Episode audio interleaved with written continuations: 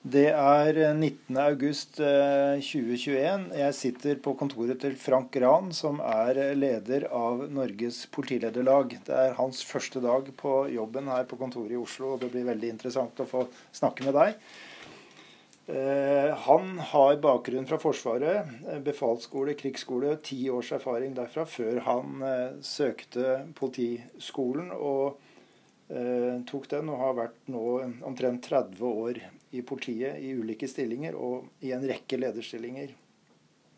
Eh, hensikten med samtalen i dag er å få fram Frank Grans tanker, erfaring og synspunkter om lederskap generelt, og spesielt i politiet. Vi skal forsøke å få fram hans ledelsesfilosofi, og hvordan han ser på utvikling, utvikling av lederskap i politiet og av ledere, politiledere.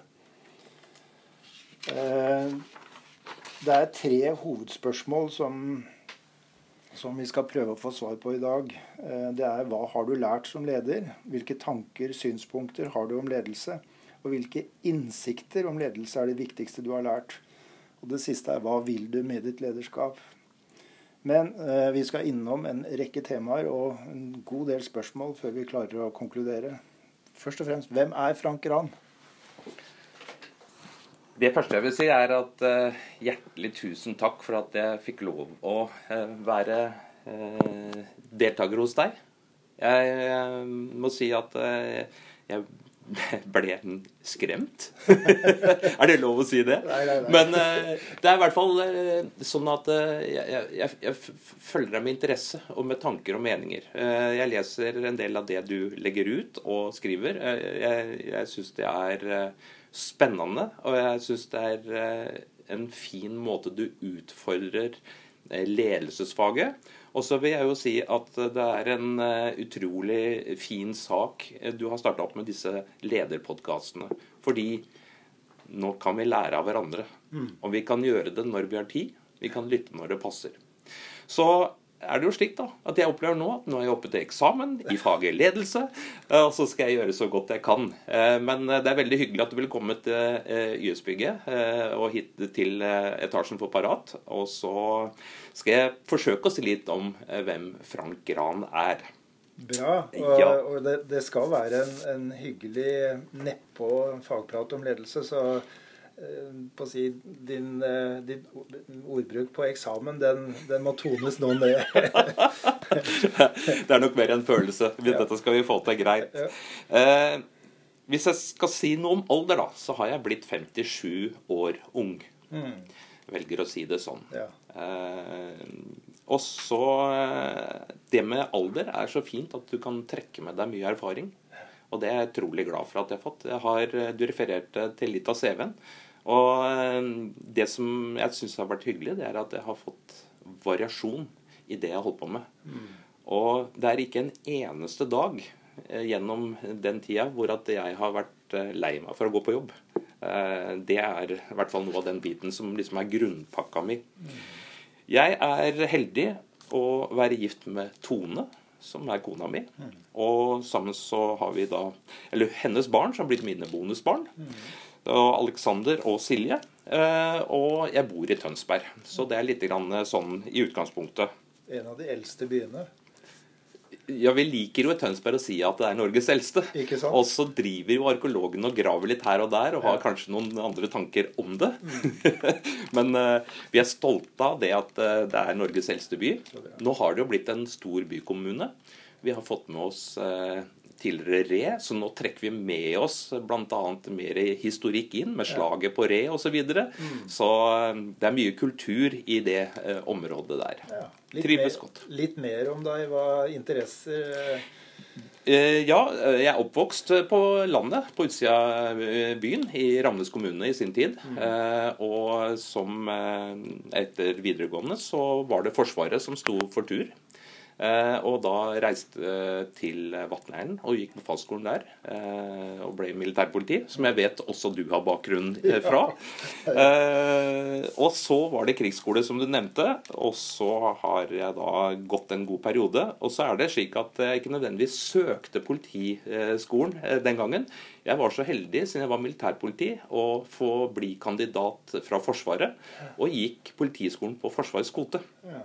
Hadde du da tenkt å, eh, å si, bruke den utdanningen i Forsvaret, eller hadde du tenkt å gå til politiet? Jeg eh, hadde initielt tenkt å bruke den videre i Forsvaret. Mm. Eh, og så er det selvfølgelig ting som skjer gjennom livet. Eh, Bl.a. en etablering som gjorde at eh, en lang periode i Nord-Norge ikke passa noe særlig. Så i 93 så gikk jeg til Svein Urdal i Tønsberg, som ja. da var politimester, og spurte pent om ikke han hadde en, eh, et arbeid til meg. Og det var jeg heldig å få. Så da var det inn i politiet, da. Ja. Jeg ser at du har Hoka joggesko. Er det, er det også et lite tegn på at du beveger kroppen din? Jeg gjør et forsøk. Eh, så er jeg antageligvis eh, så glad i mat at jeg er nok nødt til å gjøre noen forsøk. Eh, men da er det godt med hukka, som er en god avlastning når man er ute og beveger seg. Jeg setter pris på å være ute.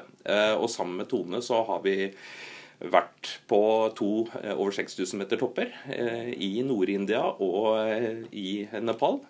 Sånn at når ting åpner opp igjen, eh, så vil jeg jo varmt anbefale eh, så mange som mulig å eh, kunne oppleve dette her. Mm. Og så får vi håpe at klimaavtrykket ikke blir for ille da når man reiser dit, at man mm. tenker noe på det.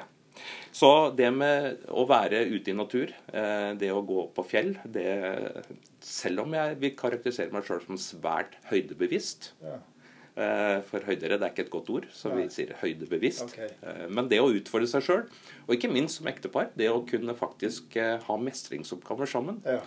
det tror jeg er noe med å styrke et parforhold. Det sies eh, at politifolk ikke leser bøker. Eh, er det et utsagn som passer på Frank Gran? Eh, jeg tror nok generelt Jeg tror at jeg bruker mye nett og leser der. Nå er jeg jo en heldig situasjon hvor jeg skal drive og togpendle. Mm. Og jeg har nok litt intensjoner, altså dette med podkaster, det å lese. Men jeg, er, jeg sluker nok litt bøker når jeg er på ferie. Mm. Eh, så da bruker jeg tida til det. Hva slags litteratur leser du? Jeg er veldig glad i krimlitteratur. Ja. Eh, og så hender det av og til at jeg er innom eh, faget ledelse, selvfølgelig. Ja. Så, så, det ligger litt sånn vekselvis mellom, mellom de to. Ja. Så, så, der er jeg. Mm. Ok. Eh, på nettet så kan vi se eh, hva Norges partilederlag er. I hvert fall få et inntrykk av det. Der går det an å lese følgende.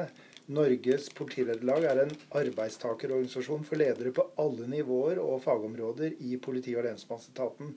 Fokus er lederes lønn, arbeidsvilkår, fag i ledelse og organisasjon. Og det står at det er omtrent 300 medlemmer. Mm. Fortell oss litt mer om denne fagorganisasjonen. Jeg tenker jo at det er en eh, spennende organisasjon. Eh, det er en eh, organisasjon med historiske røtter. Det er gamle, det gamle lensmannslaget som da har vært nødt til å gå gjennom endringer. Fordi at politioppgavene, eller politiet som sådan, har hatt endringer. Og at vi har et sammen da dreid dette over mer til et eh, lederlag, eh, hvor vi, vi, eh, ser på ledelse generelt. Eh, og ja, Det er ingen tvil om at det, altså det, det, er mye historikk. Og det er utrolig interessant å gå tilbake igjen i medlemsblader og i historiske bøker her. Mm. Eh, så her, her ligger det mye historie. Men det har vært en dreining eh, mot ledelse, eh, og, og, det er noe som eh, ja, ligger mitt hjerte nært. Og kanskje en av grunnene til at jeg, jeg syns det var hyggelig når eh, jeg ble valgt inn i denne rollen. Mm. Eh, jeg har hatt en utrolig god forgjenger i Marit Ellingsen, som har vært eh, forbundsleder før meg. Hun har tatt ja, foreningen, eller vårt for, Norges politilederlag i en ny retning. Og, og, eh, det er egentlig satt litt retning også for hvordan jeg har lyst til å ta det videre. Mm. Hva er det som kjennetegner denne fagorganisasjonen, hvis det går an å si at det er det? Det er vel en fagorganisasjon? Ja, ja. ja. Eh, først og fremst dyktige ledere. Ja. Eh, og det er kanskje også det andre eh, grunnlaget til at jeg tok sjansen for å være leder i en eh, fagforening for ledere. Mm. Eh, det er svært dyktige ledere som, eh, som, virkelig vil noen ting, og som er gode ambassadører der ute. Men også som er veldig tydelige på at du har vår støtte. Mm. Og det er, Som leder så er det faktisk utrolig både viktig og det er godt. Mm. Eh, hvis du skulle beskrive organisasjonskulturen her, hva ville du peke på da? Vi er ganske tydelige på eh, hva, vår kultur og vi, hva vi vil. Eh, mm. det, er, det må være ansvarlige. Mm. Eh, vi, egentlig alle fora hvor vi er, så er ansvarlighet eh, en av de tinga som vi har eh, høyt. Mm. Det er åpenhet. Fordi åpenhet det skaper at vi kan ha gode diskusjoner og vi kan komme fram til gode løsninger. Og så er det dette her med at vi må være fremtidsretta. Mm. Altså en forening som er 300 stykker i dag. Mange av våre medlemmer begynner å bli voksne. Mm. Vi er eh, der hvor vi ønsker å rekruttere eh, flere ledere inn i vår eh, fagforening. Og det betyr at vi, vi må se framover. Mm. Hvis du skulle fortelle meg hva som var en, en eller flere hovedfortellinger om politilederlaget da du starta, eller som er nå, hva, hva, er det som er de viktigste? Da jeg kom inn her, så var det ingen tvil om hva hovedfortellingen var. Altså narrativet, mm, hvis vi kan si det sånn. Ja. Eh, det var at uh, vi, vi, er den eldste foreningen.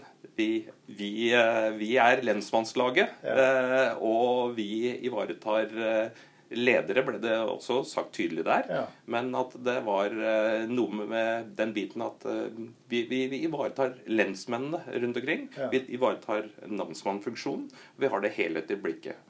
Uh, så når endringen kom, hvor politiet ble senest annerledes ut, ja, så var det også en bit av det vi måtte gjøre noen endringer ved. Så mm. historien nå, den går på fokus på ledelse selvfølgelig fokus på dette med lønn og lønnsvilkår for ledere, arbeidsvilkår, eh, og ikke minst handlingsrom for ledere. Mm. Det er kanskje en av de sterkeste sakene og den sterkeste fortellingen vi ønsker å si nå. Mm. Både politisk, men også eh, opp mot POD. Det er at vi, vi, må skape et reelt handlingsrom for politiledere ute hvis vi skal lykkes med det vi ønsker, om, og utviklinga videre. Da er du også inne på hvilken retning du ønsker å påvirke utviklingen i, i denne fagforeningen. Ja, det er, det, er, det er, helt klart. Mm. Eh, så det er egentlig to eh, hovedsaker. Det ene er uh, handlingsrom. Mm. Men det andre er også det å legge til rette for at vi kan skape det handlingsrommet. Vi er politisk styrt. Ja.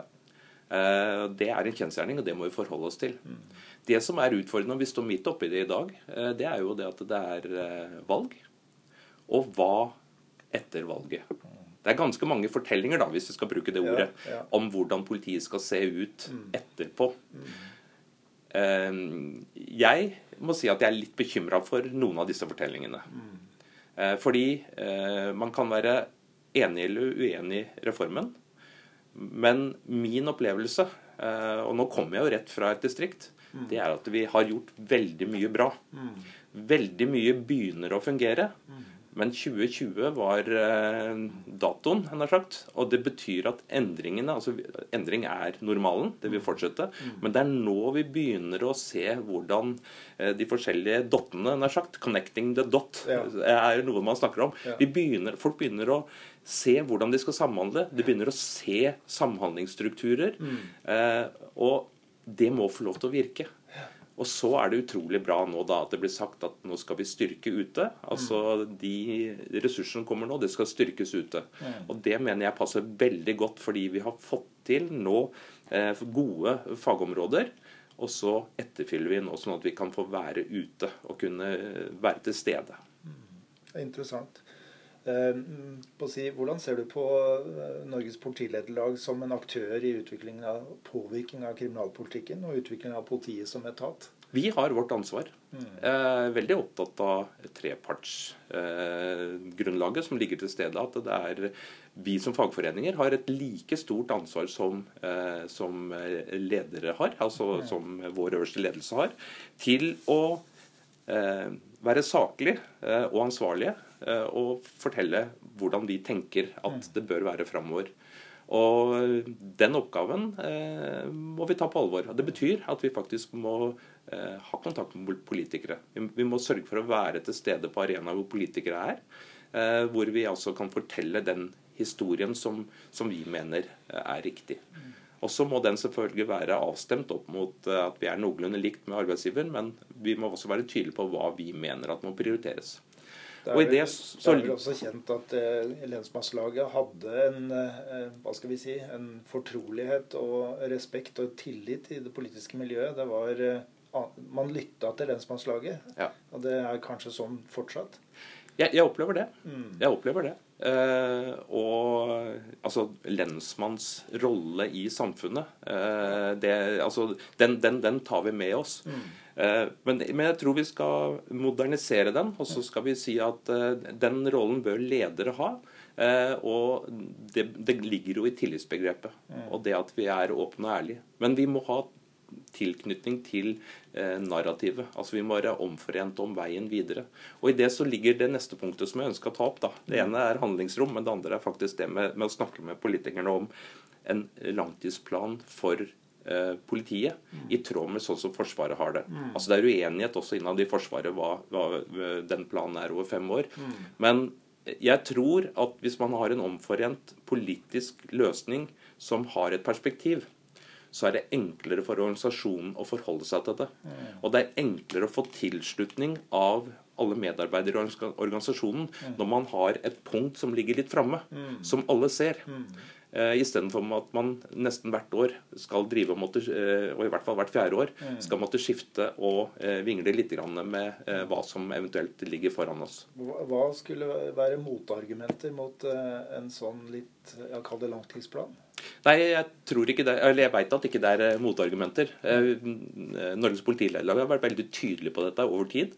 Og vi er veldig glad for at vi nå er blitt invitert til Justisdepartementet mm. eh, om en orientering mm. om en langtidsplan. Eh, så eh, jeg tror faktisk at vi har blitt lytta til, eller jeg opplever det, ja. og at vi er, et, er på vei. Eh, og det tror jeg vil lette for hele Politi-Norge hvis vi kan få til dette her. Og at vi kan få den omforent også politisk. Mm. Fordi det er klart at politikerne skal få lov til å velge hva de vil prioritere. Men så lenge også de må prioritere innenfor den ramma som da er femårsperspektivet, ja, så er det mye enklere. Det kan være årlige svingninger, men det går i riktig retning. Mm. Jeg refererte jo til eh, hva skal vi si, omtalen av, på nettsiden deres. og Der er jo organisasjon og ledelse et av de fagområdene som dere prioriterer. Eh, hvordan ser du at Norges politilederlag kan bidra til å utvikle politiledelse og, og politiledere, og kanskje ledelsespraksisen i politiet, hvis du ser litt framover? Jeg tror at, eller jeg er helt sikker på at det, det, den rollen må vi ta. Som eh, fagforening for ledere så er det en rolle vi må ta. Eh, og jeg er opptatt av eh, Jeg er opptatt av mange ting. Men det som opptar meg ganske mye som politi Hvis man kikker på det merket som politifolk har på skjorta si, og hvis man leser den heraldiske betydning av det merket, så er eh, oversatt betydning 'én folkets tjener'. Mm. Og det vil jo si, For meg så betyr det at jeg skal skape så mye politikraft og så god politikraft som overhodet mulig innenfor den rammen jeg har, eh, til folkets beste. Mm. Det, det, er sånn som jeg har valgt å tolke det. Mm.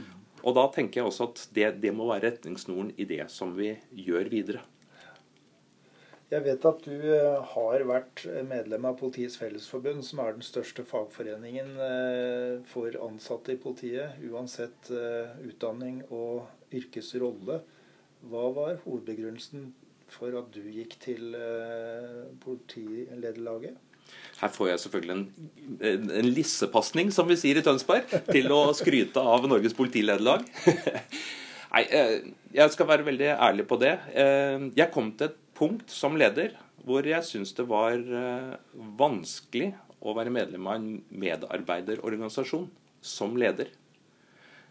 Og det, det, får være min refleksjon, men jeg syns det er underlig at ikke flere ledere gjør den refleksjonen. Uh, at man som leder så bør man faktisk Og jeg sier ikke hvilken, men jeg foretrekker jo at de kommer til oss. Men, men, for meg så ble det et viktig punkt, og noe som gjorde at jeg fant ut at nei, men dette er ikke riktig for meg. Jeg må, jeg må være medlem av en lederforening. Mm. Eh, så var det min vurdering, men eh, det forundrer meg litt at eh, ikke flere ledere gjør det. Og det forundrer meg veldig, f.eks. her i Oslo, at ikke det er flere ledere som tenker sånn. Hvor det er så mange ledere. Ja, Det er interessant. og Det går jo an å trekke parallellen til Utdanningsforbundet og Skolelederforbundet, hvor veldig mange skoleledere da selvfølgelig, vil jeg si, går i Eh, fra medarbeiderorganisasjonen Utdanningsforbundet og til lederorganisasjonen Skolelederforbundet. Så, så, ja, Det er en parallell. Hvordan mener du, eh, som forbundsleder og som politileder, jeg må jo dra med det i bakgrunnen her, altså hvordan kan man eh, satse på å prioritere og videreutvikle fagområdet ledelse? Hvordan kan det styrkes i årene som kommer eh, i etaten vår? Jeg har tenkt litt på det som, som leder sjøl. Eh, og så er det noe med ansvaret du har som leder i Norge. Hvis man kan gå på se, se, eller i politiet, da. Det går på det at du faktisk er satt til å forvalte en ressurs. Den ressursen er dine medarbeidere. Eh, og i det så ligger det faktisk som leder at du eh, bør være interessert i å se hvilke ledertalenter har jeg blant mine. Og hvordan kan jeg som leder faktisk gjøre de gode? Og For leder så må det kanskje det viktigste være for deg å, å, gjøre gode mennesker bedre. Og de er antageligvis bedre enn deg. Og det er bra at det er bedre enn deg, fordi folk som er bedre enn deg, kan ta utviklingen videre. Så, og i det da så ligger det at man lokalt ute kan gjøre en god jobb det med å eh, ha mentorordninger, f.eks. Mm. Altså plukke inn gode talenter og sette de i mentorstillinger hvor de kan få prøve seg som ledere. Mm. Det tror jeg er bra, fordi da kan man verdivurdere. Har jeg gjort det riktig, har jeg ikke? Og ikke minst kan jeg gi vedkommende tilbakemelding om dette er bra for deg, eller dette er ikke bra for deg. Mm. Eh, og så I det da, så ligger det også at man da kan sørge for at man kan lage videre, et videre karriereløp. Jeg tror ikke vi har vært gode nok i politiet til å forvalte ressursene våre eh, godt nok. Mm. Og jeg tror heller ikke at vi har vært gode nok til å prioritere de riktige personene inn i lederutdanninger. Eh, så det er noe som jeg i hvert fall brenner for, og som jeg håper og tror at vi kan bli bedre på. Så er det jo sånn nå, da, at vi har eh, utdanna veldig mange politifolk en periode. Og så har eh, det snørt seg til. Vi har redusert antall eh, inne. Men det betyr i åra som kommer framover, at det vil være et stort press på Politihøgskolen for å få igjennom eh, grunnopplæring, ledelse osv. Mm. i en periode. Det eh, håper jeg at våre politikere er seg selv bevisst. Jeg vet at Politidirektoratet har det med seg, og jeg vet mm. at Politihøgskolen tenker i de baner. Men det er våre politikere som prioriterer, mm. eh, og det bør vi tenke på. Mm. Fordi det er ikke bare sånn at vi bør gi de en grunnopplæring, men etter- og videreutdanning mm. eh, på alle områder. Mm. Eh, verden endrer seg, og ledelse endrer seg. Du kan si at ledelse er kanskje eh, Det er vel ett yrke som er eldre, har jeg hørt. Men eh, ledelse på en eller annen form er eh, også et, et gammel kunnskap, mm. men den settes i ny og ny, eller ny og nyere form og drakt mm. Eh, etter hvert som, eh, som, verden går videre. Mm. Og der bør vi kanskje være med. Og det er kanskje et lite paradoks at vi ikke har topplederutdanning i politiet. Eh, og det er kanskje et enda større paradoks at når vi ser utlysningstekster på de øverste stillingene i politiet, så er det ikke så store og strenge krav eh, nødvendigvis eh, som det kanskje burde være. Og her ligger det et mulighetsrom, tenker jeg. Mm. Interessant å høre. Og noe av det du sier, det stemmer overens med forskning som bl.a. er gjort av en, en, professor i USA som heter Josef Scherer. Han har eh, studert, intervjua 2000 uh, politiledere i USA på FBI-akademiet. Mm. Uh, hvorav noen også er internasjonale ledere som har gått der. Sikkert også norske en, en viss periode. Og, og han fikk som svar på sitt spørsmål om hvordan man skulle utvikle politiledere. Det var altså en blanding av eh, utdanning, eh, la de få erfaring, og mentorer.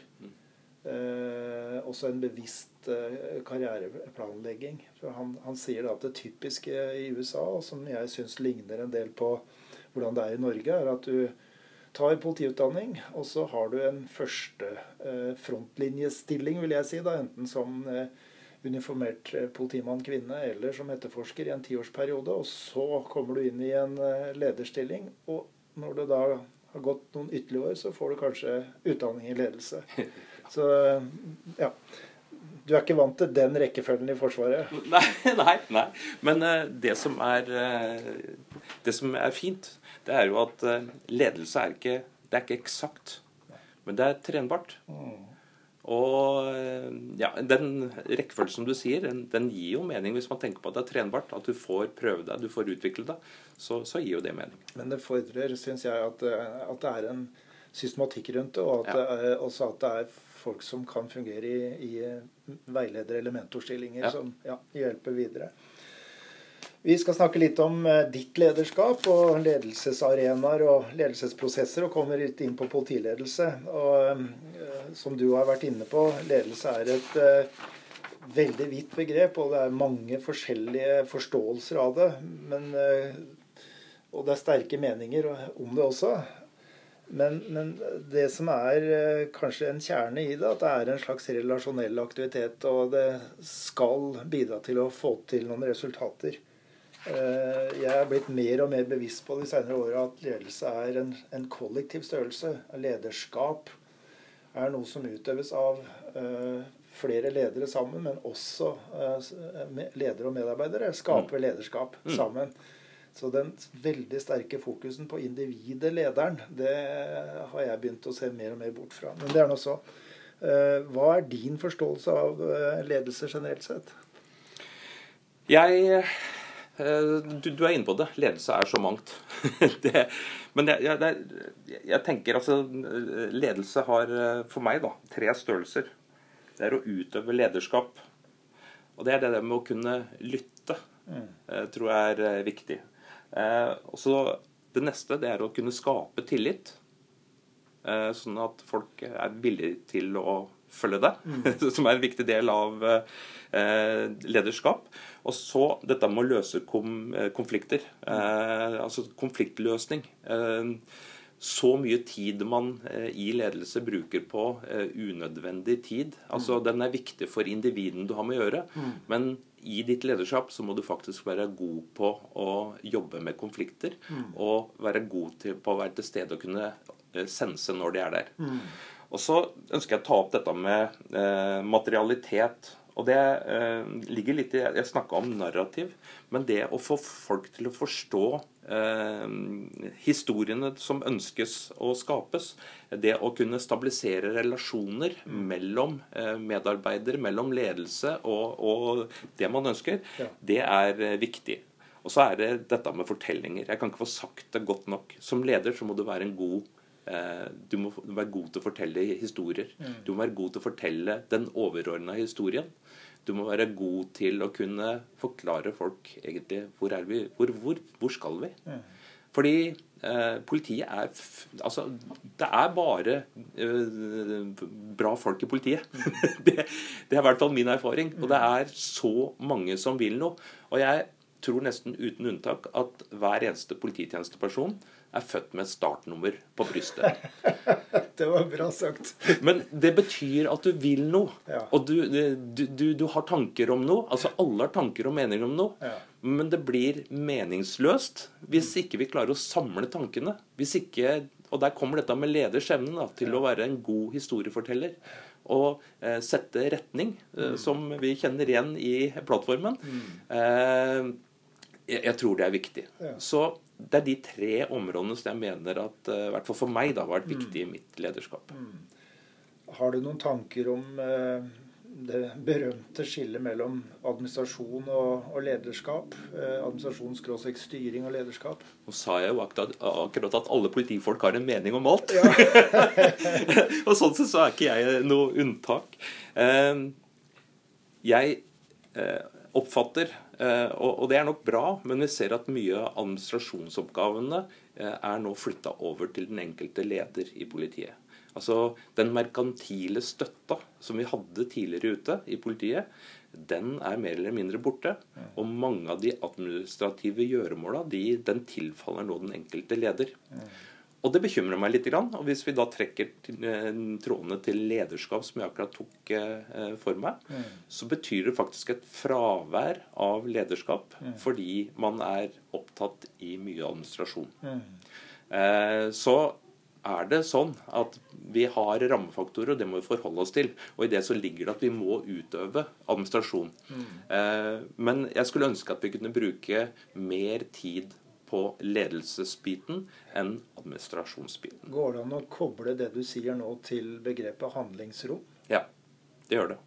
Hvordan tenker du da? Jeg tenker eh, det at eh, altså Det med å tilrettelegge og ha systemer som gjør at eh, ledere kan utøve mer ledelse. Mm. Ledere kan være til stede. Mm. Og så er det ikke slik at det skal gå på bekostning av utførelsen. Eh, altså mangel på tillit at eh, løsningene der ute er gode. Det er ikke det det dreier seg om. Nei. Det dreier seg rett og slett om å være tydelig. Det å kunne være tilgjengelig, eh, og det å kunne lytte på problemstillinger. Mm. Eh, og i det så skulle jeg ønska meg et litt større handlingsrom. Eh, hva tenker du om påstanden at ledere har et valg til å prioritere? Altså at de må ikke la seg sluke av alle administrative oppgaver, men kan prioritere mer av ledelses- eller lederskapsoppgaver? Hva, hva, tenker du på en sånn påstand? Jo, men altså Påstanden er riktig, men den blir uriktig fordi at eh, man har egentlig ikke noe valg. Nei. Så du har alltid et valg, mm. men det har du egentlig ikke. Nei.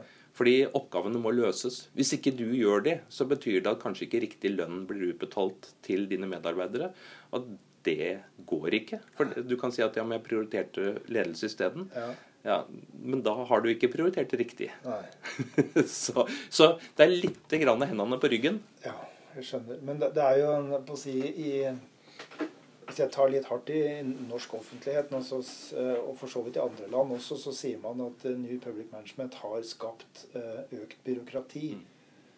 Og kanskje, hvis man er i litt ekstra godt humør eller grinete humør, så sier man at det er rapporteringshysteri. og det skrives og rapporteres større og mer og oftere enn en før. Og, og, og, det stilles spørsmålstegn ved både behovet og om dette her blir brukt til noe.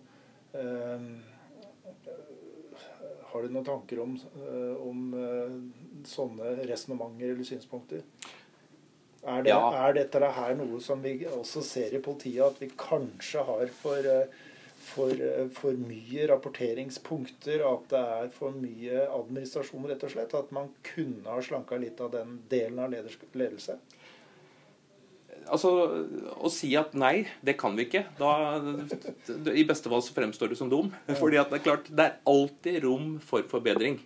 Eh, men jeg, jeg, tror at vi skal, skal være såpass ærlige at eh, jeg, jeg snakka om en folkets tjener. Det betyr at i politiet så bruker vi andre Vi bruker det offentliges penger mm. til å utøve polisiær gjerning og handling. Mm.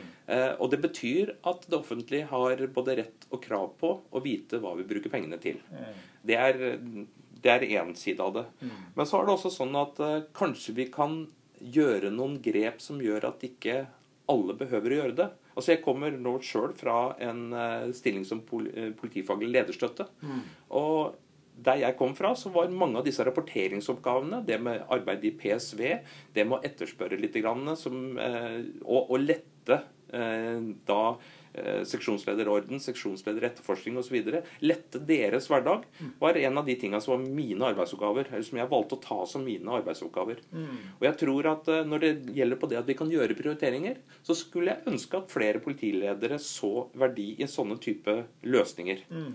Fordi det skaper et bedre handlingsrom ute for at eh, ledere som har personalansvar, kan utøve det på en god måte. Mm, interessant. Du har vært inne på um, hva du mener er kjernen i ditt lederskap, og også litt på hvilke verdier du legger vekt på. Men eh, hvis jeg skal være så freidig å spørre om hva er din ledelsesfilosofi, hvordan, eh, hva får jeg til svar da? ja, ja eh, da skal du få til svar at eh, det tok meg litt tid å finne ut av det sjøl. Eh, og jeg brukte litt tid på det. For det er altså, um, lederfilosofi, når du tenker på det, så er det, det er noe som er personlig. Men uh, det skal være noe som du skriver ned, og noe som du har liggende foran deg. Fordi den er en rettesnor for deg. Og jeg ønsker faktisk at flere visste litt mer om hva staten forventer av deg som leder i staten på det. Og når jeg fikk eh, gått inn og kikka litt på den, så syns jeg at eh, det er en fantastisk oppsett der som jeg eh, følte at min filosofi samsvarer faktisk litt med hva AS Norge tenker at jeg skal ha som filosofi som leder. Da snakker du om plattform for ledelse i staten? Helt riktig. Mm. Helt riktig. Ja. Eh, det blir påstått vel at det er mange som ikke kjenner til denne her. Eh, men jeg, jeg håper da at i hvert fall etter vår lille passiar her, mm. at det er flere som tar, kanskje slår opp den. For Hvis man går inn i den, så ligger det faktisk utrolig mange refleksjonspunkter osv. der, eh, mm. hvor man kan se litt på, på eh, litt hva, hva som Eller det er, det er, mye læring i den, da, det vil jeg si. Så hvis jeg skal si noe om min filosofi, så, så er det greit å ha et ståsted. Eh, og mitt lederskap det bygger jeg på grunnleggende demokratiske og forvaltningsmessige eh, prinsipper. Og i det som ligger jeg, jeg, Når jeg hadde den refleksjonen rundt det, så går det tilbake igjen til det heraldiske med den eh, politimerket. Eh, og så er det sånn at som leder så er det faktisk et privilegium. Jeg er heldig som får lov å være politi i eh, Norge. Mm. Eh, fordi eh, jeg er heldig som har fantastisk mange gode medarbeidere. Eh, og i det så ligger det dette her at jeg bidrar sammen med medarbeidere til å frembringe ytelser til samfunnets beste. Mm. Igjen så linker jeg det opp mot politimerket på armen. Mm. Så er det noe med å ha en visjon, da. Og det er jo at som leder så er du fattig aleine.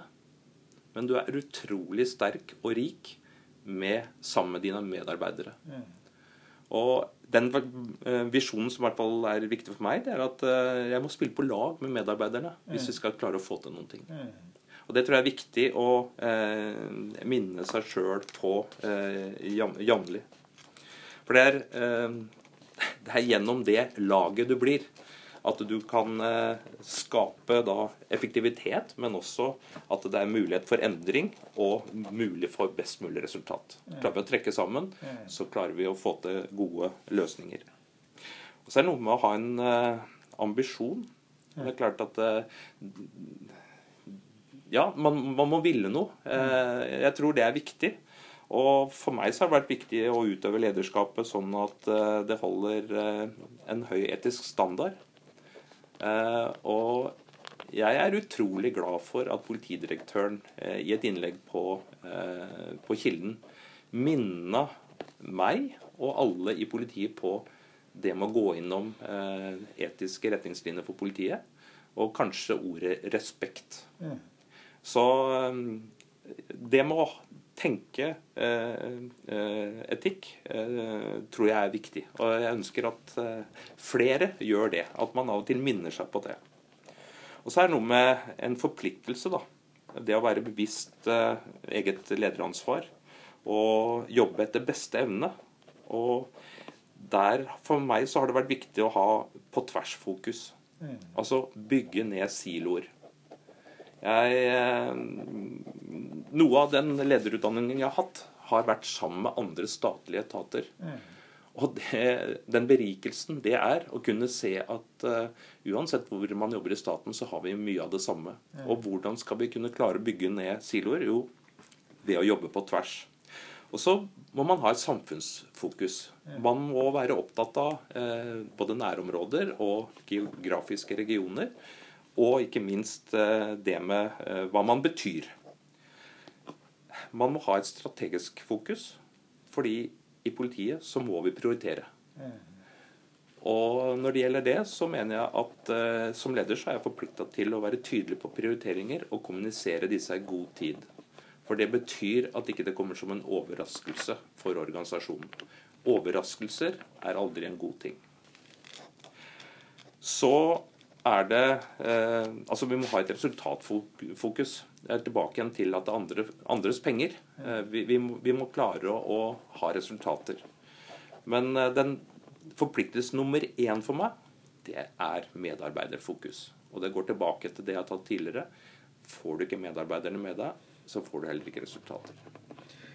Det, si, det var ganske omfattende ledelsesfilosofi. Jeg, jeg, jeg bet meg merke i at du sa at det tok deg tid før du utvikla den. Og den er jo eh, si, både velutviklet og, og, og i stor grad bevisst. Eh, nå kjenner jo ikke jeg deg som leder, men jeg antar at du lever som du, som du prediker. Eh, så, så, dette her syns jeg var veldig fint. Men det, det du det siste sier eh, her, medarbeiderfokus altså Politiet består jo av flere yrkesgrupper, men den alt overveiende, den største gruppen, er jo folk som er utdanna politi.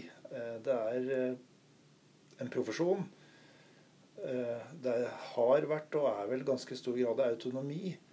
Eh, hvordan tenker du om å lede politimennesker? Og jeg kan også spørre politiorganisasjonen, gitt det samfunnsoppdraget politiet har. Eh, jeg, jeg, sa jo noe om eh, hva jeg tenker om eh, politifolk. At de har et startnummer. Og at eh, alle vil noe. og min tanke om å lede politi, det er jo at det er et privilegium. Og jeg mener det. Mm. Eh, så det dreier seg bare om den energien, den viljen. Hvordan klarer jeg å styre den i riktig retning? Mm. Og det er det som er det store Colombia-egget, Ja. Altså Hvis man klarer å løse det som leder, mm. og hvis jeg klarer å løse det som leder, så lykkes du. Og snakka litt tidligere når vi hadde en innledende her, men eh, dette med tilslutning, altså det som leder å kunne se når du lykkes, eller å være bevisst som leder, da. Eh, og, og, se når du lykkes. Når du får tilslutning. F.eks. når historien du har fortalt, gjentas i organisasjonen. Mm. Det er en fin dag som leder. Ja.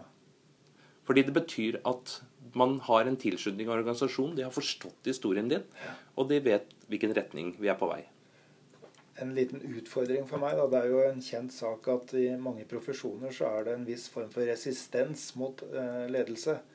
Altså Se på helsevesenet, kanskje også i skoleverket til dels. Og, og både du og jeg har antageligvis erfart det eh, som politimennesker. Og forskning på, på, på, politiet og politikultur den forteller litt om eh, en, en, form for resistens. Eh,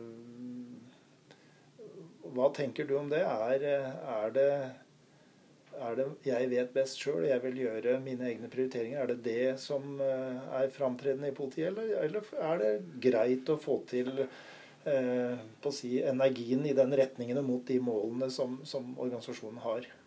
Jeg skulle ønske jeg kunne si ja på det, men det er det overhodet ikke. Eh, det er tungt. Eh, altså, nå har vi vært gjennom pilotering av nye arbeidsmetodikker. Mm.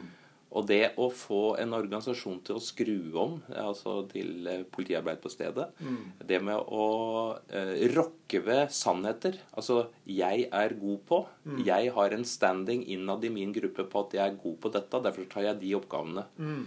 Eh, det er ganske utfordrende for eh, medarbeidere å, å skulle faktisk måtte eh, etter mange år at man har vært eh, rett og slett litt slepphendt med å se på både prosesser og på egentlig rapportskriving og på ganske mye annet. Mm. Og så er det jo eh, faren da, for å bli kledd i offentlighet, det, det, ønsker vi jo ikke.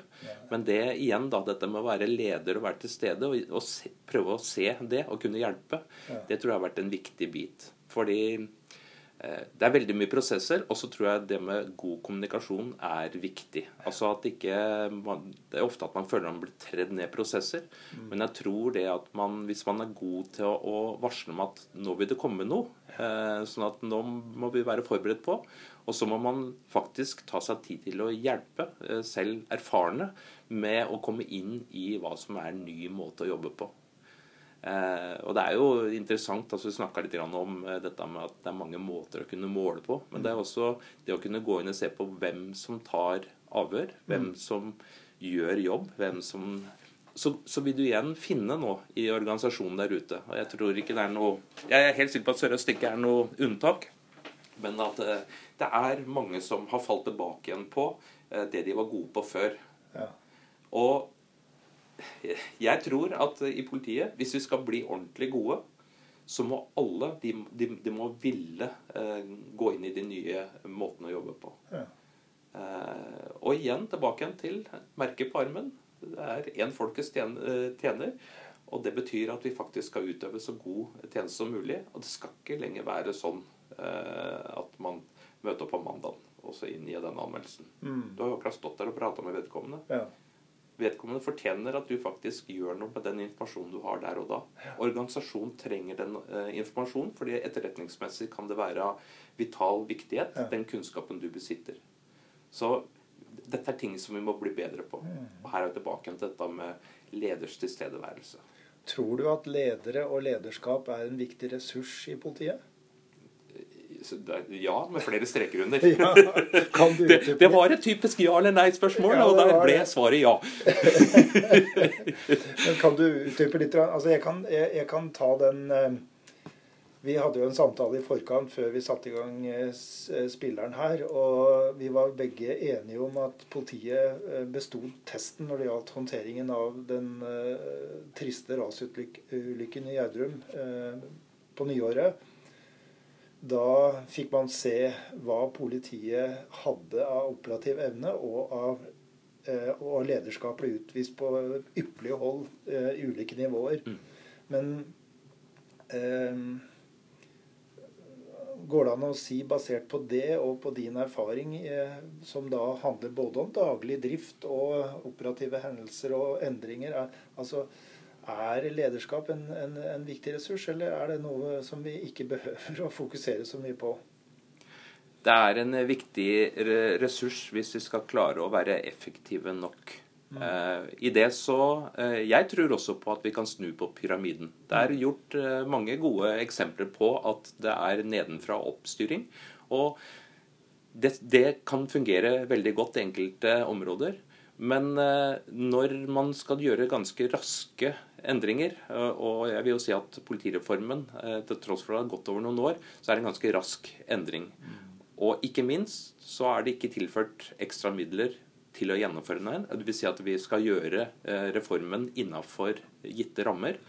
Da er vi avhengig av at det er en viss form for ledelse. Så jeg, jeg, mener at lederen fremdeles har en rolle å gjøre. Mm.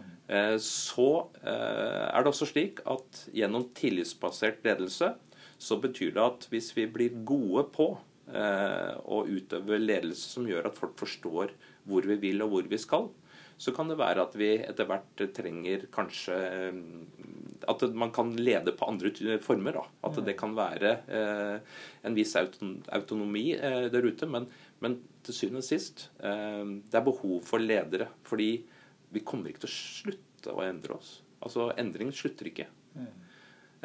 og tilbake til historiefortelleren. Mm.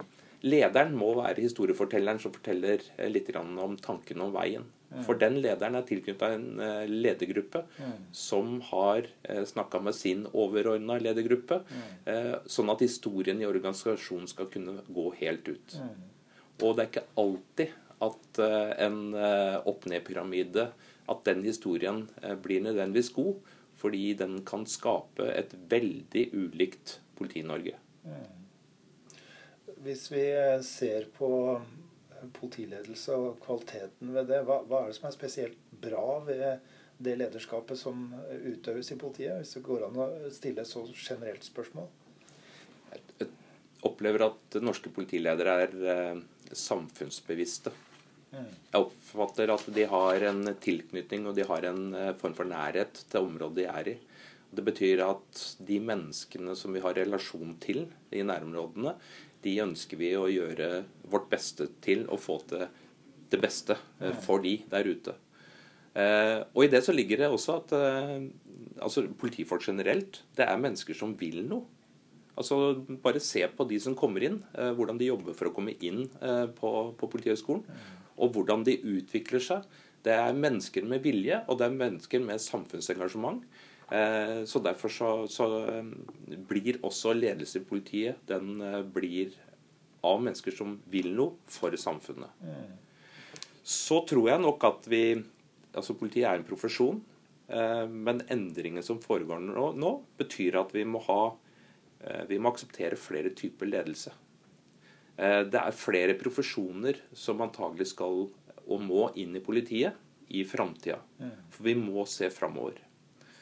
Eh, og da kan det være at det er ledere som kommer inn, som ikke nødvendigvis har eh, politibakgrunn, men som er nødvendig for at vi skal bli en så god organisasjon som vi kan få, få blitt. For vi, det fins eksempler, det vil jeg tro, jeg tror ikke jeg tar i for mye, hvor det er politifolk som kommer inn i lederposisjoner i stillinger som eh, de blir satt til, men som kanskje ikke er den beste til å lede. Jeg tror vi skal være så ærlige. Det kan være en framifrå leder eh, osv., men det kan være at eh, det man er satt til, ikke nødvendigvis er det man er best på. Så jeg ønsker meg eh, i, for framtida, eh, det er en form for ledelse med den best mulige leder innenfor det opp, området hvor de skal utøve ledelse. Og så ønsker jeg jo meg, da, eh, hvis man ser nå på Det er jo utarbeida en ny plattform for ledelse, nær sagt. Men det står om grunnstillinger hele tida. Det står ingenting om eh, eh, toppledelse. Eh, dette vet jo du bedre enn meg, men det, jeg har i hvert fall reflektert litt utover det. Er det bare gode eh, førstegangsledere vi skal ha? Mm. Er det bare gode mellomledere vi skal ha? Og, og hvordan skal vi utvikle gode toppledere for framtida? Vi har utrolig masse gode ledere blant oss nå. Mm. Men hva med framtida? Mm. Forsvaret har noe de kaller Forsvarets eh, grunnsyn på ledelse. Eh, ser du det som interessant at eh, det hadde blitt utvikla et tilsvarende politiets grunnsyn på ledelse? Hadde det kunne hatt noe for seg? Ja, det, det er jeg ikke i tvil om. Altså, eh, ledere skal sette retning. Uh, innenfor faget ledelse. da. Mm. Hvis man, uh, ja, vi kan jo knytte inn medarbeiderplattformen, uh, hva den sier om ledelse. Mm. Det er 'som leder skal du', og så er det noen punkter. Et grunnsyn i tillegg kunne jo vært med og vært til stede for å faktisk utvikle den også i en, en annen retning. Det altså. kunne kanskje vært et bidrag Det er et spørsmål i det jeg prøver å si nå, men det kunne ja. vært kanskje et bidrag for å styrke ledelse, kultur og holdninger i, ja. i politiet. Ja, åpenbart. En bevisstgjøring. En bevisstgjøring. Ja. Eh, og, som eh, fagforeningsleder for ledere, da, mm. så, så, jeg, så, håper jeg har en intensjon om at eh, norske politiledere er bevisste sin posisjon og sin stilling. Men det er ingen tvil om at vi, vi må minne oss på det. Hvis du skulle se tilbake på den tida du har vært i politiet, og se på hvordan i stort da, generelt hvordan ledelse har blitt utført, praktisert si, Hvordan har det endra seg? Hva, det, hva, slår deg da som, som viktige endringsfaktor i måten ledelse i politiet har blitt utført på? Eh, da jeg gikk på krigsskolen, så var jeg så heldig å ha en politimester som eh, foreleste for oss i rettslære. Eh, denne politimesteren ble kjørt til undervisning av en polititjenestemann. Vedkommende satt på VIP-plass i bil. Og den tjenestepersonen gikk ut av bilen, åpna døra og hilste til lua når vedkommende skulle inn og ha undervisning.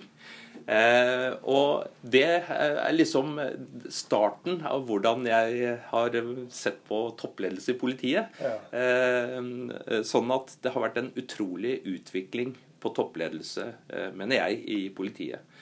Og eh, jeg har blitt spurt noen ganger eh, om hvem jeg tenker at jeg, Hvis jeg skal peke på en leder som jeg syns eh, gjør det bra, Og da har jeg faktisk satt at jeg, jeg syns politidirektøren gjør en veldig god jobb. Eh, og jeg syns at den endringen som skjer eh, nå, eh, under hennes ledelse, den mener jeg har jo blitt det bedre. Absolutt. Altså, den viser en åpenhet og en, en tydelighet. Eh, og måten hun takler de utfordringene eh, som hun blir eh, utsatt for, syns jeg er veldig, veldig bra. Mm. Hvis du skulle se framover og lage en slags værmelding i gåseøyne på hvordan ledelse vil endre seg da, i de nærmeste 5-10-15 år, hva slags faktorer vil du peke på da? Jeg, veldig sterk fokus på medarbeidere. Altså ressursen vår. Mm. Eh, og så eh, politisk teft. Sterk politisk teft fordi vi, eh, vi er politisk styrt. Eh, det, det, er noen faktorer som blir viktige. Mm. og jeg håper jo og tror også at eh, dersom vi er omforent om at ledelse er viktig, at det også har fokus på faget ledelse mm. og utvikling av gode ledere som eh, forstår de, det vi har behov for. Eh, ikke bare i nuet, men også framover. Mm. Du var så vidt inne på det med rekruttering til eh, lederstillinger. Eh, den forrige riksadvokaten brukte i mange eh, sammenhenger, men i hvert fall i en samtale jeg hadde med han, så sa han at han syntes det var viktig at ledere, at han som leder hadde en fot i faget. Jeg kan ikke forestille meg at en biskop ikke har vært prest. Jeg kan heller ikke forestille meg at forsvarssjefen ikke har befalsskole og, og krigsskole og gått den veien der. Altså, eh, hva er dine tanker om at politiledere bør ha eller ikke bør ha en fot i faget? Eh, jeg, jeg, sa jo litt om det. Eh, altså profesjoner. Eh, altså Framtidas politi har behov for mer enn bare det som vi tenker eh, det rent polisiære. Så jeg, jeg, jeg, tror det er vanskelig å være kategorisk. Eh, jeg håper og tror at grunnpilaren er polisiær. At det er eh, med bakgrunn i politiet lederen er. Men jeg er helt viss på at framtidas ledelse den krever at det er ledere med annen type kompetanse. Den kompetansen vi har behov for inn i framtida. Eh, ikke nødvendigvis på toppledelse, men innenfor de fagområdene. Mm.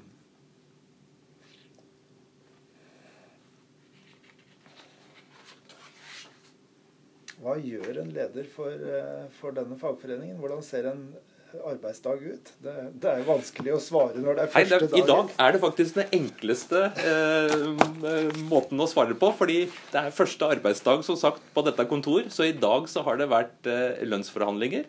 Og så har jeg vært heldig og blitt intervjua av deg. Så det er en, eh, for meg eh, til nå en vanlig arbeidsdag. Nei, eh, spøk til side. Eh, min hovedoppgave er jo å ivareta medlemmene mine. Eh, og akkurat nå så driver vi og forbereder eh, lederkonferanse som vi skal ha.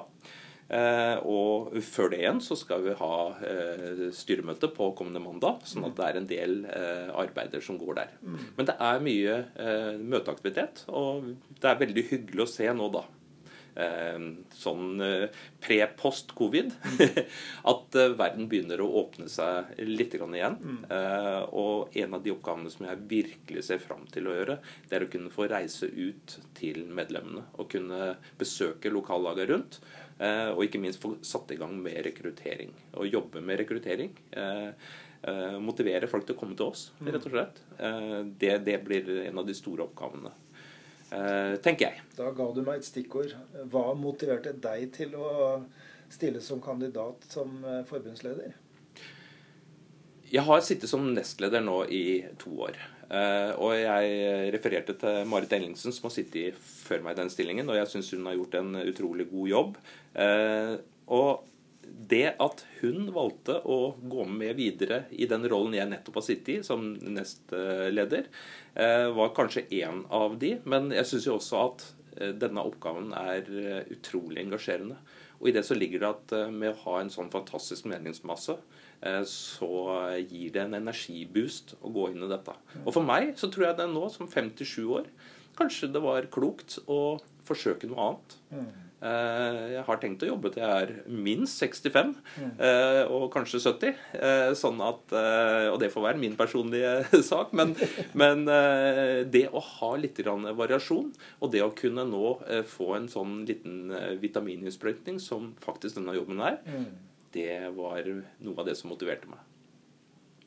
Hva er det som du ser på som dine viktigste utfordringer? Vi har så vidt vært inne på det tidligere, men hvis du kunne bare gjenta det nå når vi er inne i dette temaet? Ja, altså Viktigste utfordringen nå er jo rett og slett det å komme inn i arbeidsoppgavene. Ja. Eh, her i Paratbygget så er det en fantastisk eh, gjeng som står klar til å hjelpe en fagforening og en fagforeningsleder i sin oppgave. Så nummer én nå er å bli kjent med denne organisasjonen som jeg nå har kommet inn og har et kontor eh, hos. Mm. Eh, og, og, se alle mulighetene. Og ikke minst da kunne bruke disse mulighetene til mine medlemmers beste. Ja. Hmm. Mm.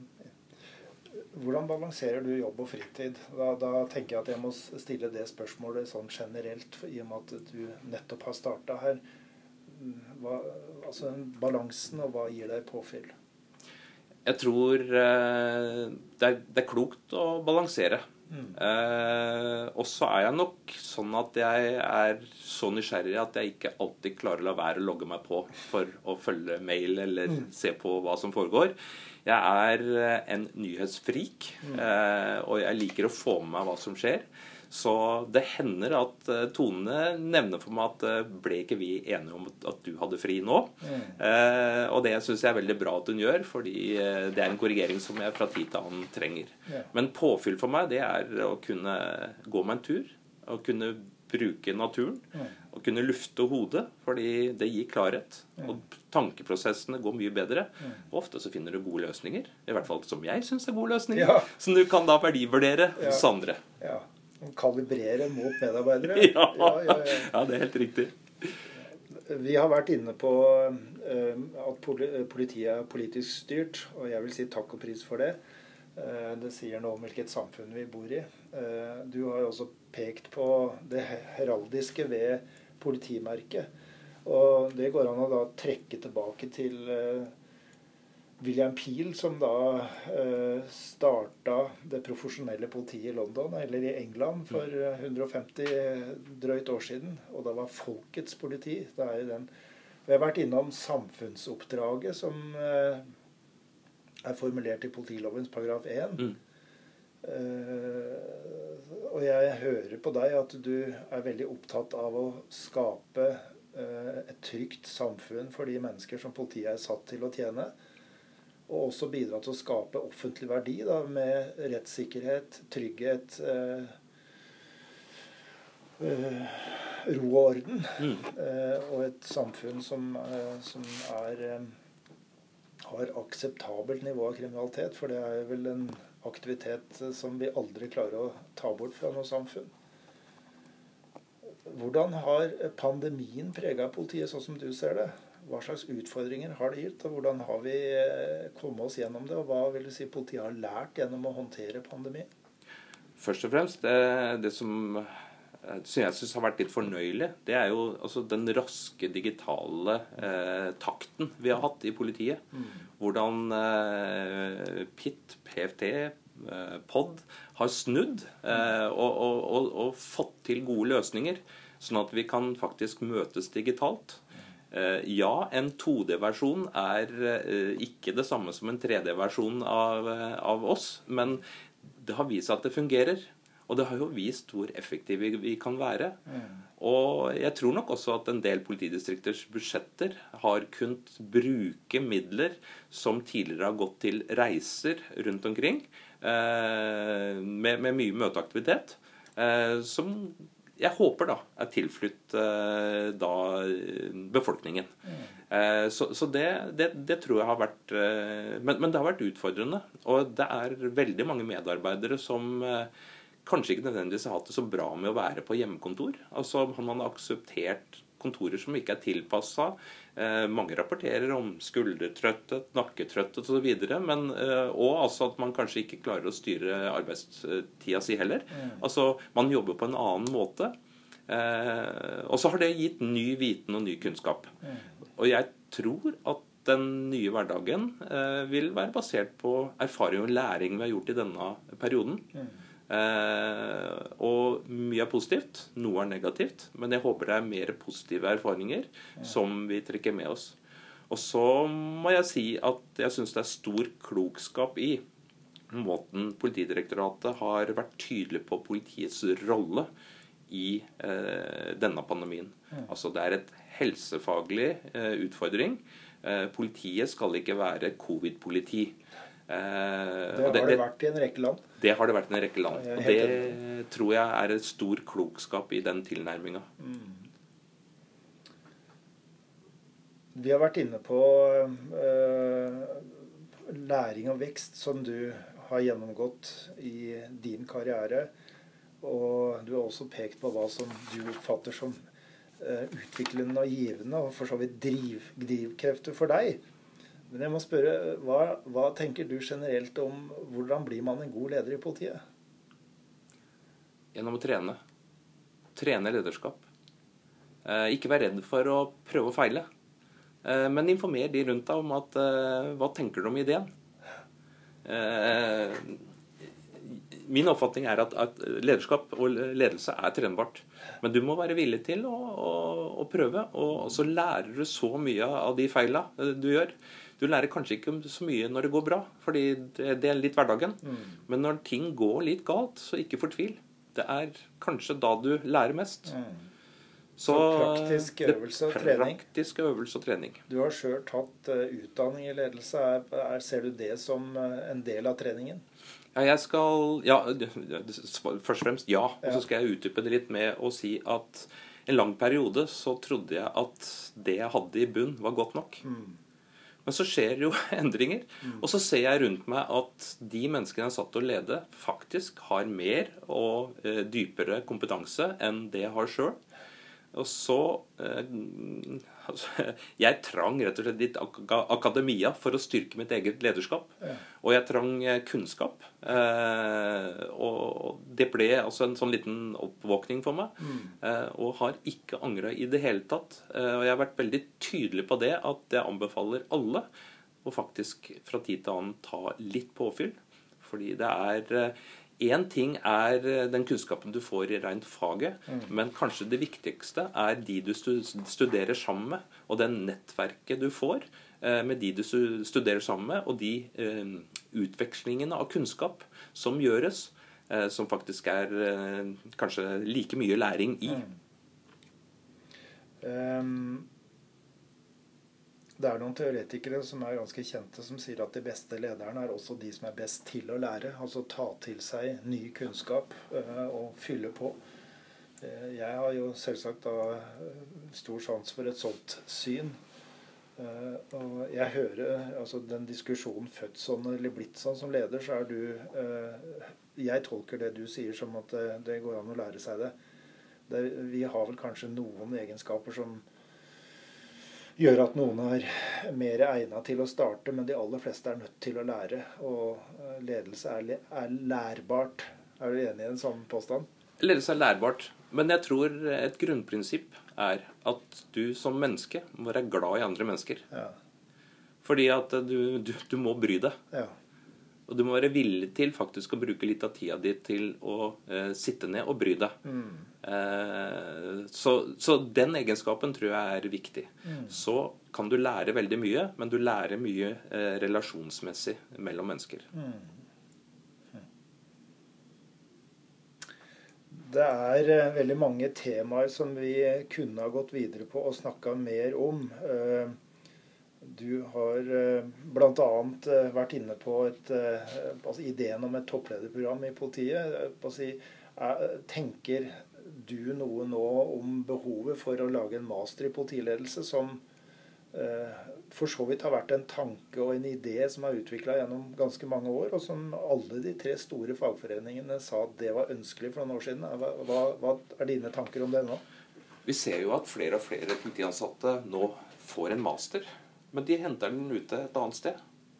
Eh, jeg tror at framtidens politi eh, Altså, det er bra at vi har mangfold, men kanskje at politiet og Politihøgskolen kunne ha en master som, hvor vi tok til oss andre statsetater faktisk inn for å dele vår kunnskap, men ikke minst få kunnskap om deres områder.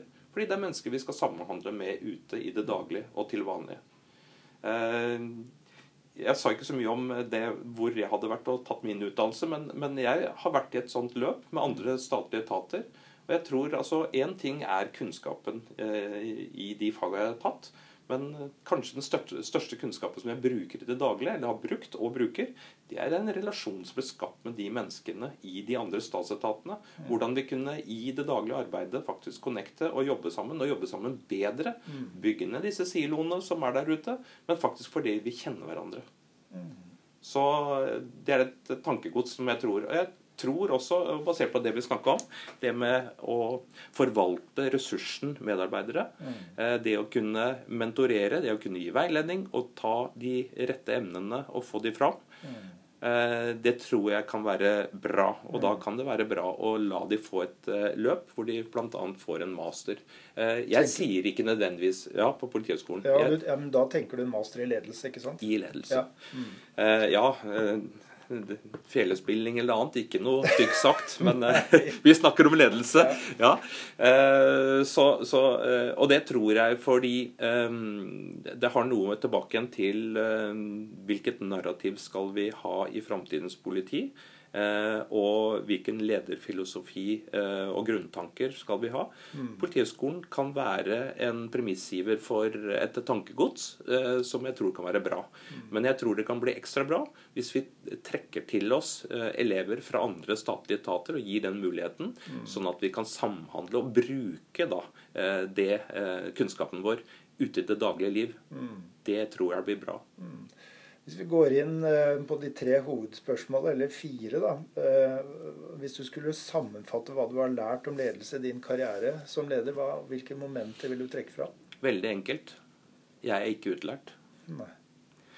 Jeg tror egentlig svaret er det. Altså, jeg opplever, altså Bare den samtalen vi har hatt nå, har jo gitt meg læring. Så ledelse er ikke en endeholdeplass, men en, eh, en, konstant reise? Det er en konstant reise. Ja. Det er det, det, det, har jeg reflektert over flere ganger. Og det, det, det har for meg blitt en sannhet. Ja. At uh, den dagen du tror du er utlært, da har du et lite problem.